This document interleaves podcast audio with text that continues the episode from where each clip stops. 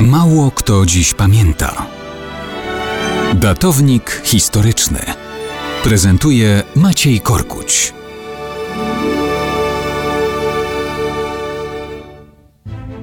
Mało kto dziś pamięta, że w październiku 1909 roku urodził się Edward Osóbka.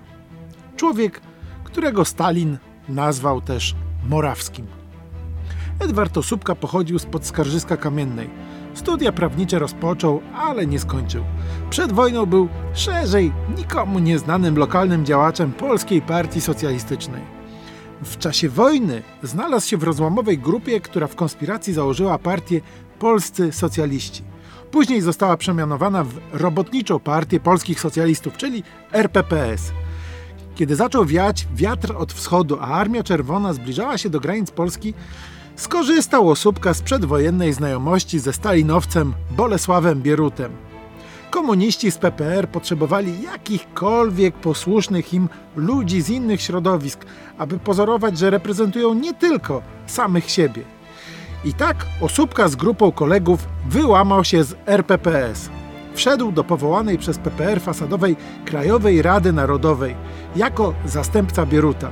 Niedługo potem ogłosił, że jego grupka rozłamowa jest całym RPPS, a potem, że jest całą Polską Partią Socjalistyczną. Wraz z delegacją Krajowej Rady Narodowej został przerzucony do Moskwy. Tam na polecenie Stalina Wanda Wasilewska kompletowała skład czegoś, co Moskwa w przyszłości ogłosi nową władzą dla Polski. Posłuszny Osóbka pasował na figuranta. Wkrótce ogłosili go przewodniczącym tzw. Tak Polskiego Komitetu Wyzwolenia Narodowego. Stalin uznał, że tak medialnie będzie lepiej. Wasilewska będzie wiceprzewodniczącą, ale i tak to ona miała trzymać wszystko w garści. Kiedy miano ogłosić skład PKWN, potrzebowano użyć jeszcze pseudonimów. Stalin pyta Osóbkę o pseudonim. Wasilewski. Jak to będzie wyglądać? Wiceprzewodnicząca Wasilewska, przewodniczący Wasilewski, jakiś rodzinny biznes?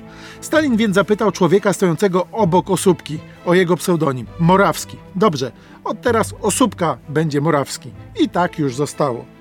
Później w Polsce zajętej już przez Armię Czerwoną Osóbkę ogłosili premierem. Słuchał się, wypełniał rozkazy, ale w 1947 roku figurant był już niepotrzebny. Osóbka został usunięty w cień, a potem na zupełnie boczny tor ale nazwisko od Stalina zostało.